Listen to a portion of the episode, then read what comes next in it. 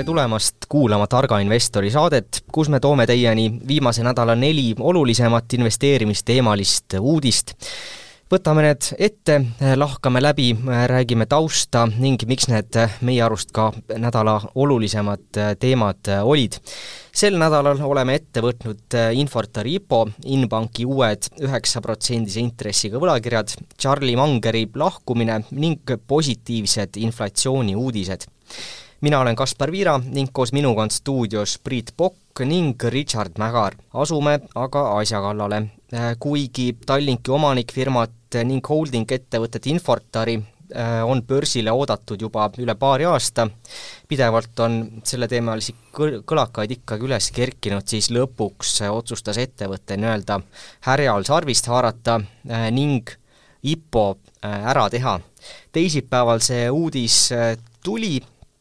ja mis, mida tähtsamat siit äh, ette lugeda nüüd, äh, aktsia hinnaks on kakskümmend kuus kuni kolmkümmend kaks eurot ja investorid saavad märkida ainult kolmekümne kahe euro pealt, äh, kui peaks aga koos institutsionaalsete investorite pakkumistega see hind madalam tulema, siis saavad ka jaeinvestorid selle lõpuks madalama hinnagi kä-, hinnaga kätte, ehk kõigile tuleb ikkagi Äh, üks ja äh, sama hind kestab märkimine seitsmenda detsembrini, kokku pakutakse üks koma kaks kuni ümmarguselt kaks miljonit äh, aktsiat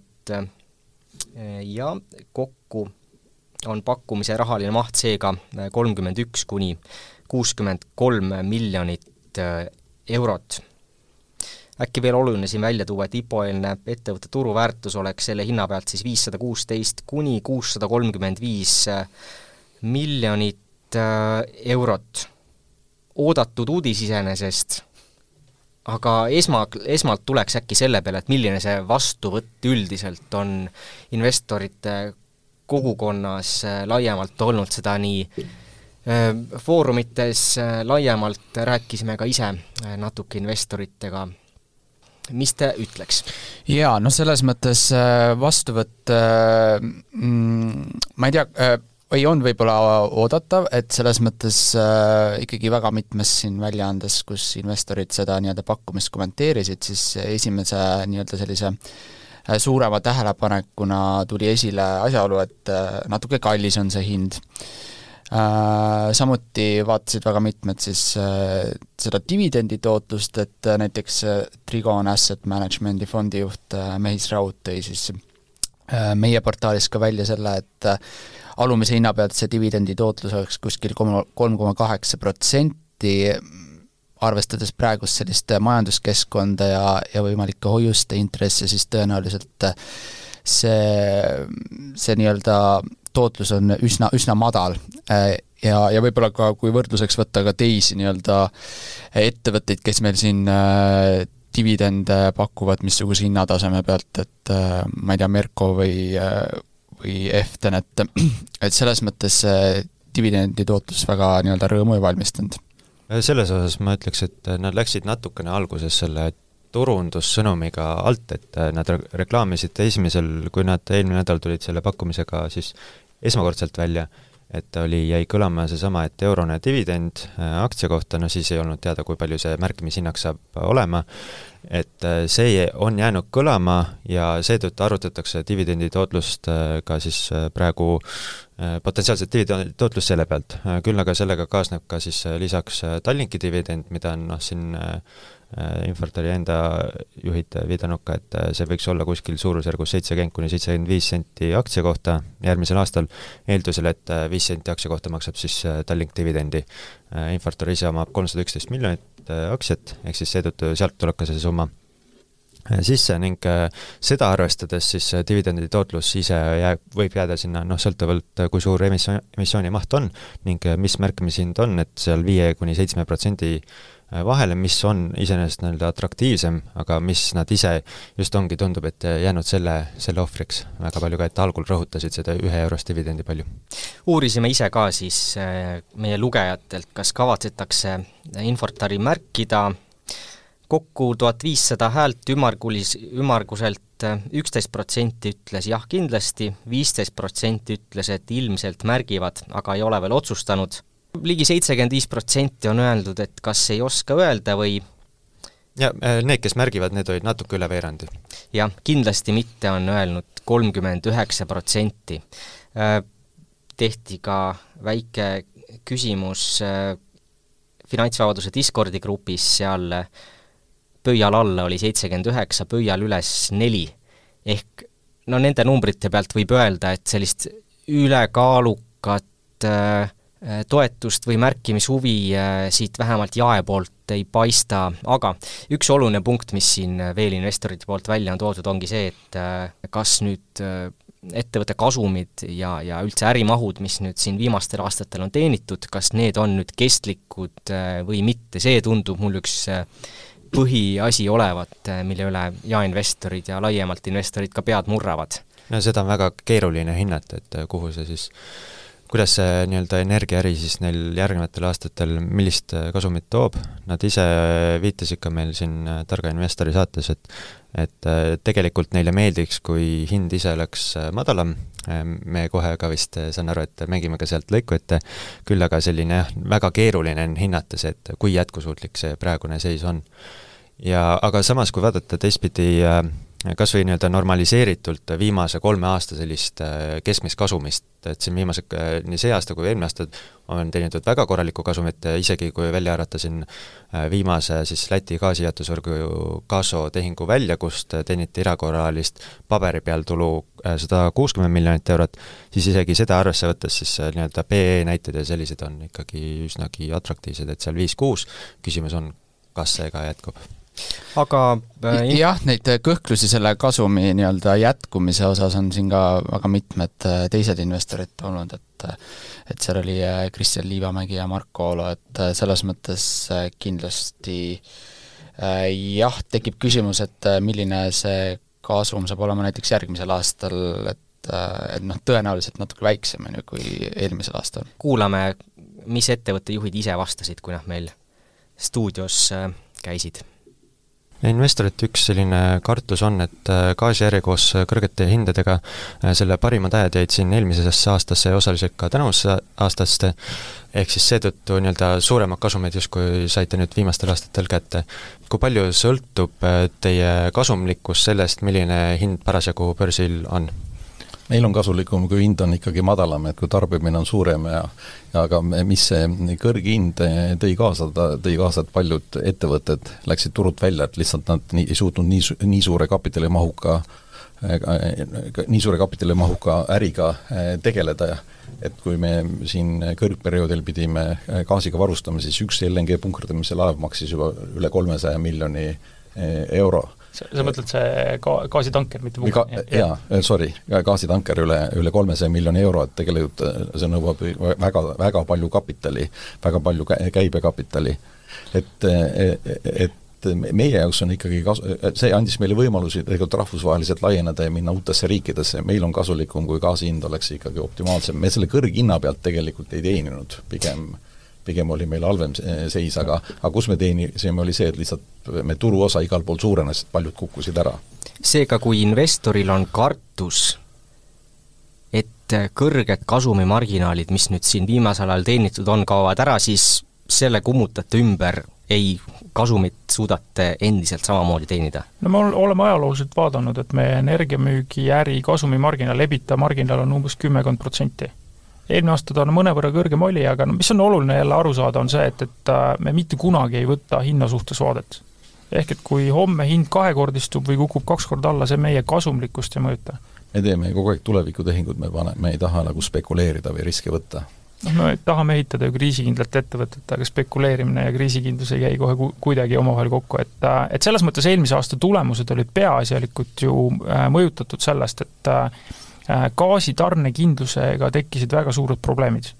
kui tekivad suured riskid, siis kogu turul marginaalid kasvavad. marginaalid kasvavad selleks, et ära katta potentsiaalset riski, aga noh, ettevõte ju paralleelselt tegeleb alati ka sellega, et riski juhtida, ehk sa hinnastad need sisse ja, ja selles mõttes proovid, et need riskid ei realiseeruks ja selles mõttes oli eelmine aasta edukas aasta. kui aastat tervikuna vaadata, siis ta oli ikkagi hullumeelne aasta, et me olime olukorras, kus, kus suvel oli tõesti küsimusi, et kas gaasivarustuskindlus äh, säilib teine pool oli see, et, et äh, kogu see käibekapitali vajadus ju oli meeletu.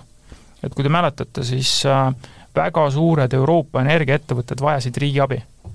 Eesti Gaas oli selles mõttes suur erand, et äh, meie riigilt äh, abi ei saanud ega tegelikult ka ei vajanud, äh, noh näiteks ju Skandinaavias riigid toetasid miljardite eurodega selleks, et ettevõtted ei läheks pankrotti, meie saime ise hakkama, me suutsime tagada, et gaasitarnekindlus on olemas. Ja noh, kui vaadata, me oleme täna jõudnud äh, Äh, gaasi maailmaturu hinnas äh, noh, tasemele seal nelikümmend viis eurot, mis võib-olla on veel natuke liiga kõrge, kui oleks selline normaalne, aga ta on jõudnud üsna stabiilsele tasemele tagasi. et noh, eelmine aasta kindlasti ma arvan, suurimaks probleemiks oli ju, ju Saksamaa, kes polnud nende riskide peale absoluutselt ette mõelnud ja siis järsku tekkis gaasipuudus, hinnad jooksid üles ja sellega said kõik tarbijad pihta. aga noh, meie vaates selle, selle efekt oli, oli minimaalne, pigem oli see meie jaoks väga suur peavalu tuli, suutsime lihtsalt need probleemid edukalt seljatada, aga noh, kui vaadata seda, kus me see aasta oleme toimetanud, siis noh, see aasta me müüme gaasi koguseliselt kaks korda rohkem, hind on küll madalam, aga käive on suurem ja noh, kasumlikkus on suhteliselt sarnane. rääkisid siin Infortari tegevjuht Mart, Martti Talgre ning juhatuse esimees Ain Hanschmidt. soovitaks Äh, seda, et minge kuulake pikemalt Delfi taskukeskkonnast või Spotify'st äh, podcasti Tark investor, äh, selle saate pealkirjaks on kuidas kavatseb Infortar investorid ära veenda, uurisime seal just investorite poolt välja toodud selliseid põhilisi küsimusi. kui natuke mõelda laiemalt äkki selle Infortari IPO tähtsuse peale, siis pakuks, et eks teised turuosalised, kes on ka äh, IPO peale mõelnud, olgu see Liven või Alexela, vaatavad ka nüüd natuke siia peale, võtavad siit äh, mingeid õppetunde kaasa mm, ja äkki kaaluvad ka nüüd, kas ähm, on hetkel hea aeg börsile minna või, äh, või, või, või mitte. Jah, ma ütleks Alexela rohkem kui Liven, sest Alexela tegutseb noh, laias laastus samas valdkonnas, mis Infortar ehk siis energiaäri. Äh, küll aga ma haaraksin korraks siin äh, veel ka Ain Hanschmidti enda sõnadest äh, piht-, kinni, et kui kaaluda siin selle positiivseid kui negatiivseid külge siis nii-öelda Infortari IPO osas, või noh, täpsemalt siis, et kas märkida või mitte, on see, et ta mainis siis seda, et nende ärid on väga kapitalimahukad. ehk siis see tähendab seda, et ütleme nii, et sa ei saa nagu sedavõrd lihtsasti tulla nii-öelda Tallinki konkurendiks Lää-, Läänemeres, et otsustan üks päev, et okei okay,, ma tahan seda teha, siis see nõuab ikkagi sadu miljoneid investeeringuid. Sama küsimus on ka energiaäriga ning seda enam me võtame näiteks siinsama viimase ostu Gaso ehk siis Läti gaasijaotus jaotusvõrgu, sa ei pane alternatiivset gaasijaotusvõrku sinna kõrvale püsti, kuna see lihtsalt ei ole mõistlik. see on ühtepidi selline tugev positsioon, kus olla, ehk siis neil on kindel turupositsioon olemas, teistpidi, mida me ka oleme näinud ajalooliselt, on see, et selliste kapitalimahukate äride üheks kuristikuks võib osutuda äh, agar laienemine, mida Infortar on teinud, noh, senimaani on see väga edukalt kujunenud, äh, kas või seesama viimane Degaso, äh, ja siin Baltikumi turul ja Soome turul enda, enda sissesöömine, siis on tihtilugu see, et võetakse suur jamps ette ja ka üks hetk avastatakse, et üks neist on väga suur mädamuna ning see hakkab tõmbama väga palju tähelepanu endale ning hakkab sisse tooma ka suuri ka-, kahjumeid, et noh, siin viimase aja näitest üks lähedane on Fortum, Soome, Soome energiafirma, kes pidi siis, oli sunnitud maha kandma siis Saksamaa Uniperi gaasiäri on ka selline. aga kui visata õhku selline väide, et ettevõtted justkui paljud investorid tegelikult tahavad, aga pigem odavamalt ja järelturult, ma ei oska sellele isegi väga vastu vaielda tegelikult, et väga palju seda ei näinud, kes ütleksid, et põhimõtteliselt hoiaks Infortarist eemale. Jah. Jah, aga huvitav lihtsalt on see, et äh, kas või mida suvel äh, investeerimisfestivalil äh, võis näha, et või, või varemgi meedias, et Infortari tulekust räägiti palju, aga kuidagi nüüd, kui see, kui see pakkumine on väljas, siis see foon on kuidagi mm, selline mitte võib-olla nii optimistlik, et aga jah, see võib-olla tõesti, siin mõni on rääkinud järelturult ostmisest ja nii edasi, et kui ma enda perspektiivist vaatan ka, siis võib-olla äh, praegu pakkumises äh, ei osaleks, aga, aga võib-olla tõesti vaataks huvi pärast, mida järelturul äh, see aktsia tegema hakkab. tehnilises plaanis vaadates äh, Infortari enda käitumist, siis et on tuldud välja suhteliselt väikese mahuga, pluss see, et siin juba insiderid on märkinud kolmandiku miinimummahust täis, näitab seda, et nagu väga suurt kindlust iseenesest ei ole, et et see tuleb sedavõrd suur ülemärkimine, et et on kindlustatud seeläbi tagalat, et ta ikkagi lõppkokkuvõttes õnnestuks. pluss see, et tegelikult äh, neil on, ma kahtlustan, et oodata ka jätkuemissioone, ehk siis praegu tuleb väga väike osa ettevõttest äh, börsile ja see on selline, selline, ühtepidi neil on tähtis see, et neil õnnestuks, kuna vastasel juhul äh, järg, järgnevate emissioonide korraldamine muutuks keerulisemaks. Äh, et teema kokku tõmmata, siis teeme väiksed ennustused ka siis, kui suur maht tuleb ja äkki mis hinnaks kujuneb ma ennustaks märkimishinnaks kakskümmend üheksa ja äh, kaheksakümmend kuus miljonit eurot. mina ka pigem sinna kolmekümne ringi ja ma arvan, et ta on jah, ka kuskil ütleme, mitte päris sada miljonit, aga natukene allapoole, mingi üheksakümmend midagi äkki. mina siis ütlen kakskümmend seitse, ma mahtu ei julge isegi sada miljonit prognoosida, ma pakun, no pakun viiskümmend miljonit nii äh,, selle teemaga praeguseks lõpetame, järgmiseks võtame ette Inbanki allutatud võlakirjad. teisipäeval teatas siis äh, tarbijalaene pakkuv Inbank, et äh, pakub investoritele kuue kuni kaheteistkümne miljoni euro eest allutatud võlakirju, äh, mille aastaseks intressiks on üheksa protsenti. Äh, kümneaastased võlakirjad, kuid õigus on ettevõttel need tagasi osta viie aasta möödudes ja kui võimalik ettevõttel seda teha on, siis tõenäoliselt ta äh, seda ka äh, teeb. miks selle teema siia nimekirja panime, iseenesest on päris äh, kuidas nüüd selle huvi kohta võlakirjades öeldagi, aga, aga mõneti väga pulline suhtumine on küll paljudesse võlakirjadesse, mis siin kaheksa, üheksa ja rohkema protsendilist intressi pakuvad, kõige suurem lahmakas tuli muidugi siis, kui äh, LHV siin natuke aega tagasi oli see september, kui ma õigesti september, jah. septembris tuli välja enda äh, võlakirjadega kümme, kümme koma viis protsenti need maksid ja huvi oli nelisada seitse koma viis äh, miljonit eurot nende vastu. peale seda on järjest tulnud siis teised krediidiasutused ja enda võlakirju sinna otsa pakkunud ja mahud on olnud piisavalt väikesed, et need ka kõik ilusti täis märgitud. jah, viimastel aastatel on olnud päris palju selliseid äh, just äh, finantsvaldkonnast ettevõtteid, kes on siin Balti börsil oma võlakirju noteerinud, äh, võib-olla mitte nii tuntud, näitame võib-olla, ma ei tea, Jüte Kredit ja Mogo, kes on küll riskantsemad profiiliga, aga tulles konkreetsemalt Inbanki juurde, siis ma ütleks, et nad tulid välja üsnagi nagu soodsal ajal, et et juhul, kui oleks Inbank tulnud kohe vahetult pärast siis äh, LHV võlakirju, äh, siis oma emissiooniga välja, siis oleks tundunud see pakkumine oluliselt vähem atraktiivsem, kuna just äh, võtame näiteks siin Bigbanki, siis nendel oli see juhtum, et vaadati, et okei okay,, LHV pakkus kümme pool protsenti, nüüd Bigbank pakub kaheksa protsenti, selgelt ju vähem kui äh,, vähem intressi, samas kui tundub nagu kas on äh, võrdne riskitase või siis LHV on võib-olla isegi vähem riskantne. et Inbank nüüd pärast äh, Bigbanki, see mõjub nii-öelda üles, ülesjoones see üheksaprotsendine pakkumine, aga mis Inbanki puhul tuleb arvestada seda, et äh, tegu on hoopis teistsuguse pangaga kui LHV või Bigbank, olles muuhulgas ka siis näiteks investeerimisettevõte, Äh, mis on küll paljuski seotud äh, finantsvaldkonnaga. Neil on muuhulgas ka eraldi loodud äh, siis riskikapitali firma Inbanki alla. aga vaadates ajalugu, siis see on olnud üsnagi hea track record'iga. ja praegu siis näiteks omatakse üsnagi suurt osalust täisautoteenuse ettevõttes Mobire, mis on siis alternatiiv autoliisingule, pakkudes siis lisateenuseid sinna Äh,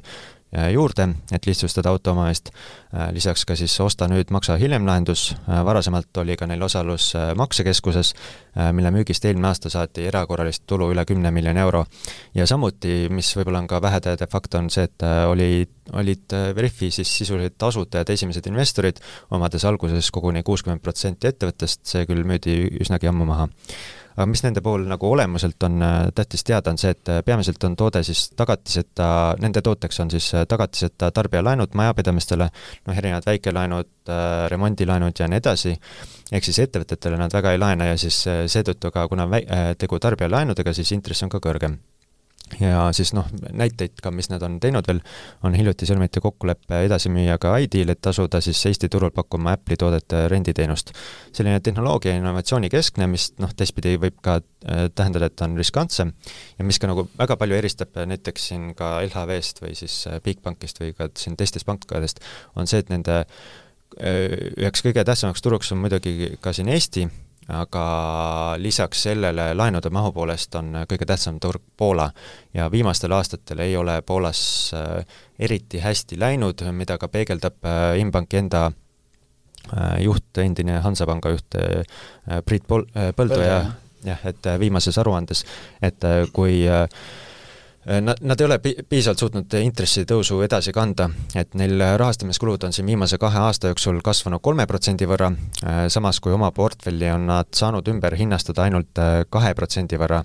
Ja, ja rahastamiskulu on keskmiselt siis neli koma kuuskümmend kuus protsenti, samas märkis ta viimases siin raportis, et nüüd, mil intressimäärad on hakanud Poolas langema ja Eurotsoonis saavutamas siis harjupunkti, on nad samas teistpidi marginaale äh, Äh, taastamas. mis selliste asjade puhul on tähtiks, tähtis ka vaadata sisse nii-öelda laenuportfelli äh, kvaliteedile ja noh, vähemalt esmapilgul tundub, et äh, iseenesest see keerulisemad majandusolud ei ole halvendanud seda seisu seal, et laenude allahindlused on tõusnud küll, seda küll puhtalt seetõttu, et laenumahud on kasvanud kogu, neil on kuskil miljoni, miljardiline siis laenuportfell ja seal oli umbes kaks protsenti oli siis äh, laenu allahindlused ja pluss siis äh, üle kolmekümne päeva viis, viivises on kokku ligi kolm protsenti äh, portfellist. ja siis võib-olla natukene veel äh, sellest intressist ma räägin kiiresti üle ka veel, et see, mulle endale tundub, et osaliselt tundub, et intress on veidike madal, arvestades seda, et Keskpanga intress on tõusnud siin viimase kahe aasta jooksul neli protsenti, ehk viis protsenti oleks justkui Inbanki enda risk, siis võrdluseks, et nullintressi ajal kaasas Inbank raha ja siis oli intressiks äh, viis koma viis protsenti, ehk siis justkui on äh, risk vahepeal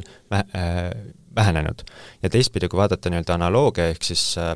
ka, kes sarnaselt mingit tarbijakrediiti pakuvad siin Balti börsil noh, erinevates riikides, siis Jutekrediit ja Mogo, mis on siis Jutekrediit pakub Balkanis tarbijakrediiti ja siis Mogo on autolaene siin Baltikumis kõikjal mujal, et nendel on intress tunduvalt kõrgem, aga teisalt, kui vaadata ette äh, terve võlakirja pikkuse peale, mis on siis ilmselt viis aastat, siis futuuride põhjal võiks äh, Keskpanga intress jääda seal kolme protsendi kanti, ehk siis seetõttu nii-öelda see risk oleks kuus koma viis protsenti. et see oleks siis jah, et ta, seda vaadates on nagu okei okay et lõppkokkuvõttes sõltub sellest, et kas usaldad, et Inbank suudab oma võlgu teenida või mitte, või noh, kohustusi siis. ja, ja eks see intress peegeldabki osaliselt seda, et äh, investorite meelsus võlakirjade puhul on praegu noh, kuidas öelda, võib-olla ei tunnetata riske nii palju või ollakse tõesti nõus äh, isegi suurema riski puhul äh, jah, lepitakse väiksema intressiga. mul on ees siin Marko Oolo, Taavi Ilvese ja vabandust, Riin Mäesalu poolt kirjutatud blogipostitus oterjutud.substack.com kom, siin nad uurisid ka mitmetelt investoritelt, kas nad plaanivad märkida või mitte,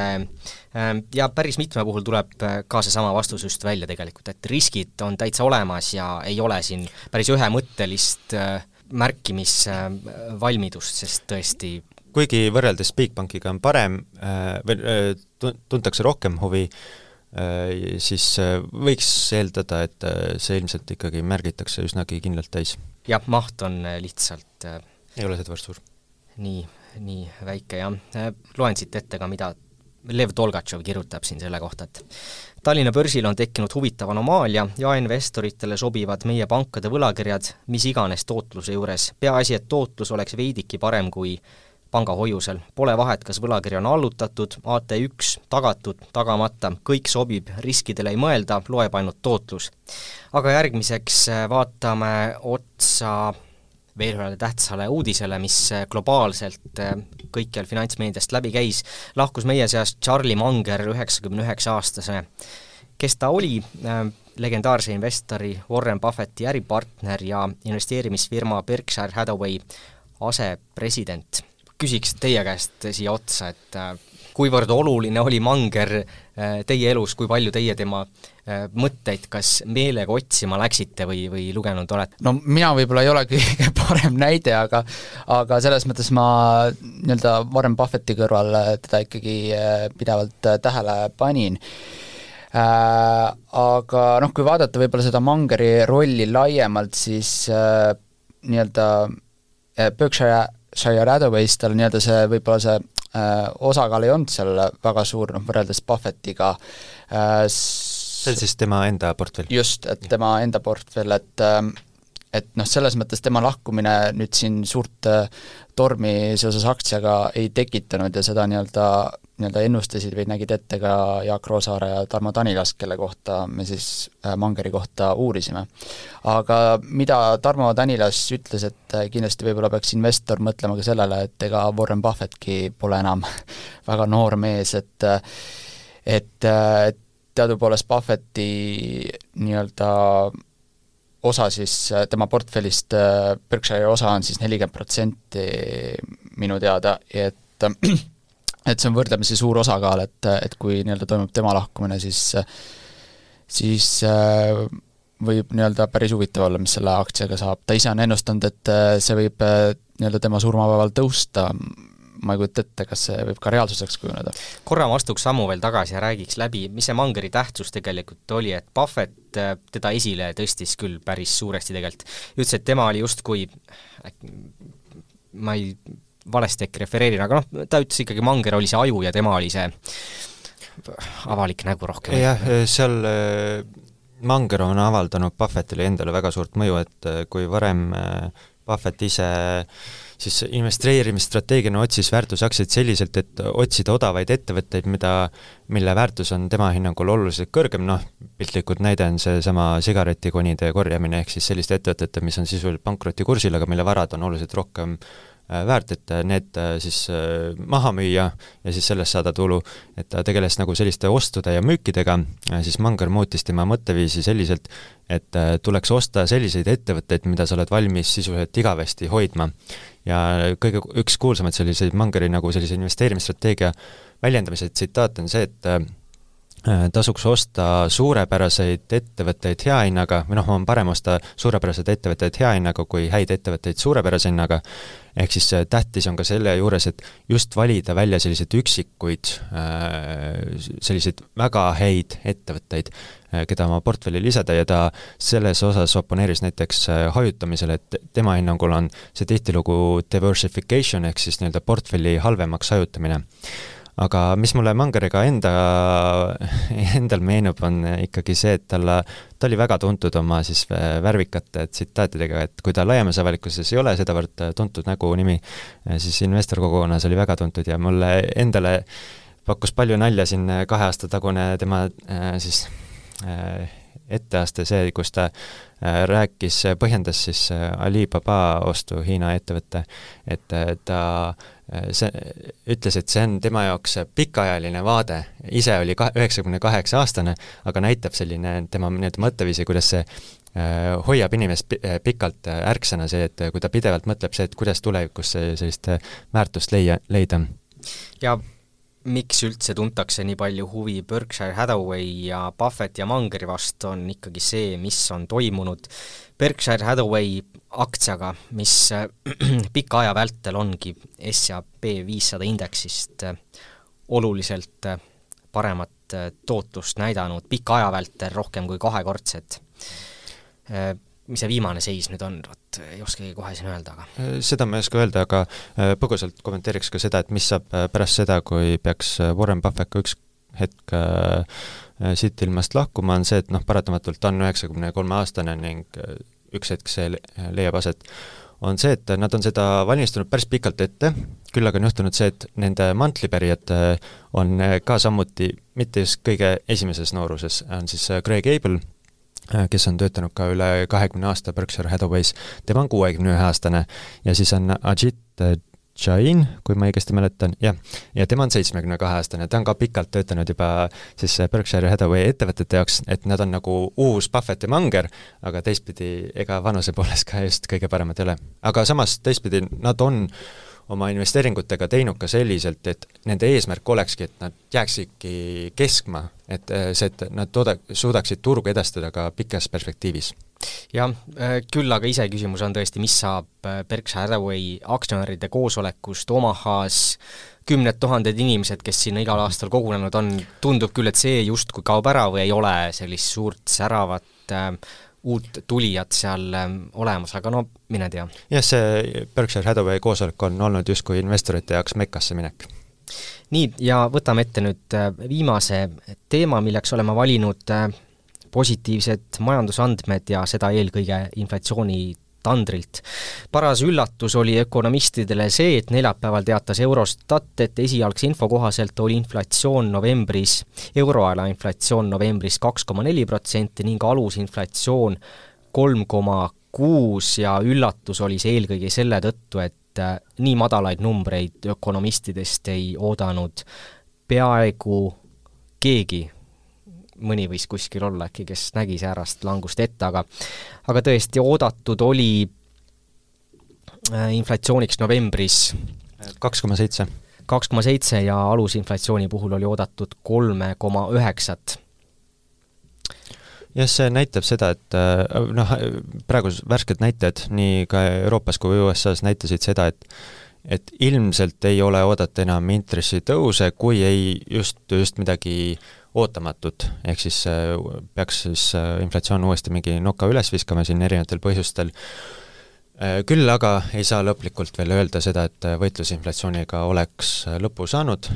vaadates siin futuure, siin prognoosivad küll, et järgneval aastal võiks oodata teatavat leebumist, et kui praegu on näiteks kolme kuu Euribor kolm koma üheksa kuus neli, siis näiteks märtsiks prognoositakse, et see langeb kolme koma seitsmekümne viie peale, äh, juuniks kolme koma nelja päeva peale, äh, septembriks kolme koma ühe peale ning siis detsembriks kahe koma kaheksa peale, ehk siis finantsturud ootavad langust, küll aga mida on siin viimased kaks aastat näidanud, et väga palju on eksitud selles osas. jah, ehk siis turu ootus selle osas, millal int-, intressilangetused võivad tuu-, võivad tulla, tuli mitu kuud ettepoole. aga tõsi, Keskpank omalt poolt on äh, korduvalt seda väljendanud tegelikult, et äh, nemad jällegi ei mõista äh, turu niivõrd äh, optimistlikku, optimistlikku jah, niipidi optimistlikku ootust, et äh, intressid peaksid nii vara ja nii kiiresti langema, aga äh, tõesti neljapäevane statistika oli mõnevõrra üllatuslik ja, ja natuke murendab võib-olla Kas... Keskpanga enda sellise äh, sõnumi tugevust äkki, aga muidugi äh, oluline asi, mida Keskpank ootab äh, ees, ongi uus aasta ja mida on oodata euroala üldisest palgastatistikast, kas palgatõus äh, jätkub või mitte? kas mõni analüütik tõi ka mingisuguse hea põhjenduse ka, et äh, miks ta nüüd järsku nii alla tuli, et see oli energiahinnang, kui ma õigesti mm -hmm. mäletan. aga muidu noh, natukene et, et see praegune võit on mõned, mõneti nii-öelda pürraslik, et et see on tulnud ka paljuski siis sellise majanduse nõrge, nõrgemise tõttu, et tarbijatel ei ole see, sellist kindlustunnet kaugeltki, mistõttu siis kaupmehed ei saa sedavõrd palju siis kaup-, hindu tõsta. just, ehk välja on toodud, kui peaksid intressid kiiresti langema, siis pigem just majanduse nõrkuse tõttu, kas see ja ilmselt on see, et ütleme niimoodi, et äh, inimesed ei tahaks, et äh, tuleks alla kolme protsendi Euribor väga kiiresti, kuna see tähendaks totaalset krahhi. just, aga tõmbamegi äh, siia tänasele saatele joone alla, mina olin Kaspar Viira, minuga koos oli stuudios Priit Pokk ning Richard Mägar. soovime häid investeeringuid!